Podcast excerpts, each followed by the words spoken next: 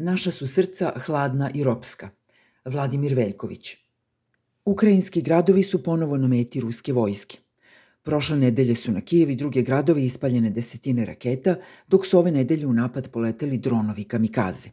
Cilj ovih napada su energetska postrojenja. A ruski projektili padaju i na stambene zgrade, mostove, bolnice, škole i železničke stanice, otežavajući život civilnom stanovništvu i ubijajući civile daleko iza linije fronta. Ruska vojna agresija na bratsku zemlju se pretvara u teror i ruski agresor ne pravi razliku između vojnika i civila. Za ruskog agresora su legitimna meta napada svi stanovnici Ukrajine. Nedužni Ukrajinci stradaju, ali je delegacija Srpske pravoslavne crkve odlučila da uputi srpsku utehu ruskom srcu. Tako je nazvan festival kulture koji se održava u Moskvi. Delegaciju Srpske pravoslavne crkve predvode mitropolit Joanikije i episkop Slavonski Jovan.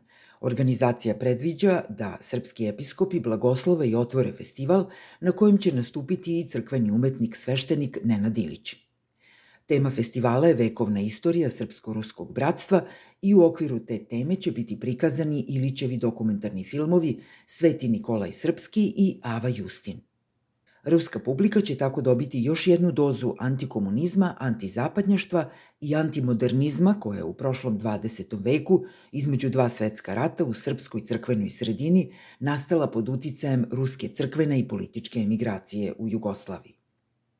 Srpski izdanci ruske reakcije se vraćaju u Rusiju i to u trenutku kada ruska politika, crkva i mediji otvoreno poručuju da u Ukrajini vode rat protiv Zapada – mada je u skladu sa idejama uticajnih ruskih fašističkih intelektualaca Dugina Prilepina i drugih, ispravnije kazati rat protiv tekovina modernog sveta.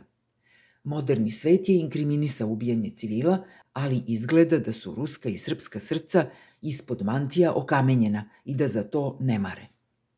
U ponedeljak, baš na dan novog smrtonosnog ruskog napada na ukrajinske gradove, delegacija SPC se u Danilovskom manastiru u Moskvi sastala sa mitropolitom Volokolamskim Antonijem, predsednikom odelenja za spoljne crkvene odnose Moskovske patrijaršije, koji je proletos na tom mestu nasledio mitropolita Ilariona.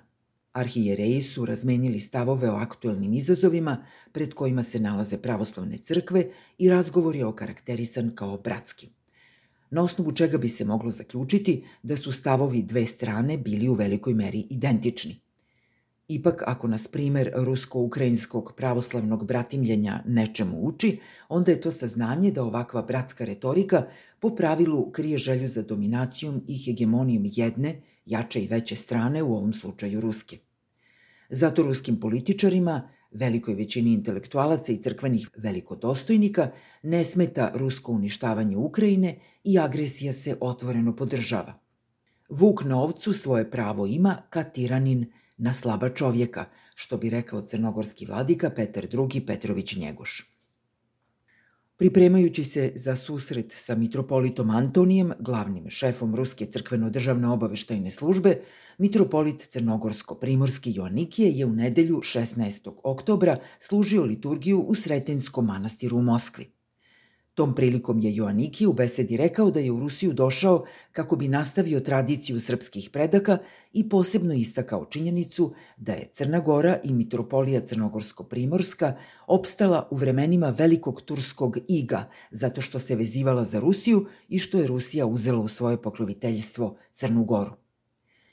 Islamsku otomansku despotiju treba zameniti ruskom pravoslavnom despotijom i ruskim igom, Tako je trebalo biti u istoriji, smatra Joanikije, tako treba i danas.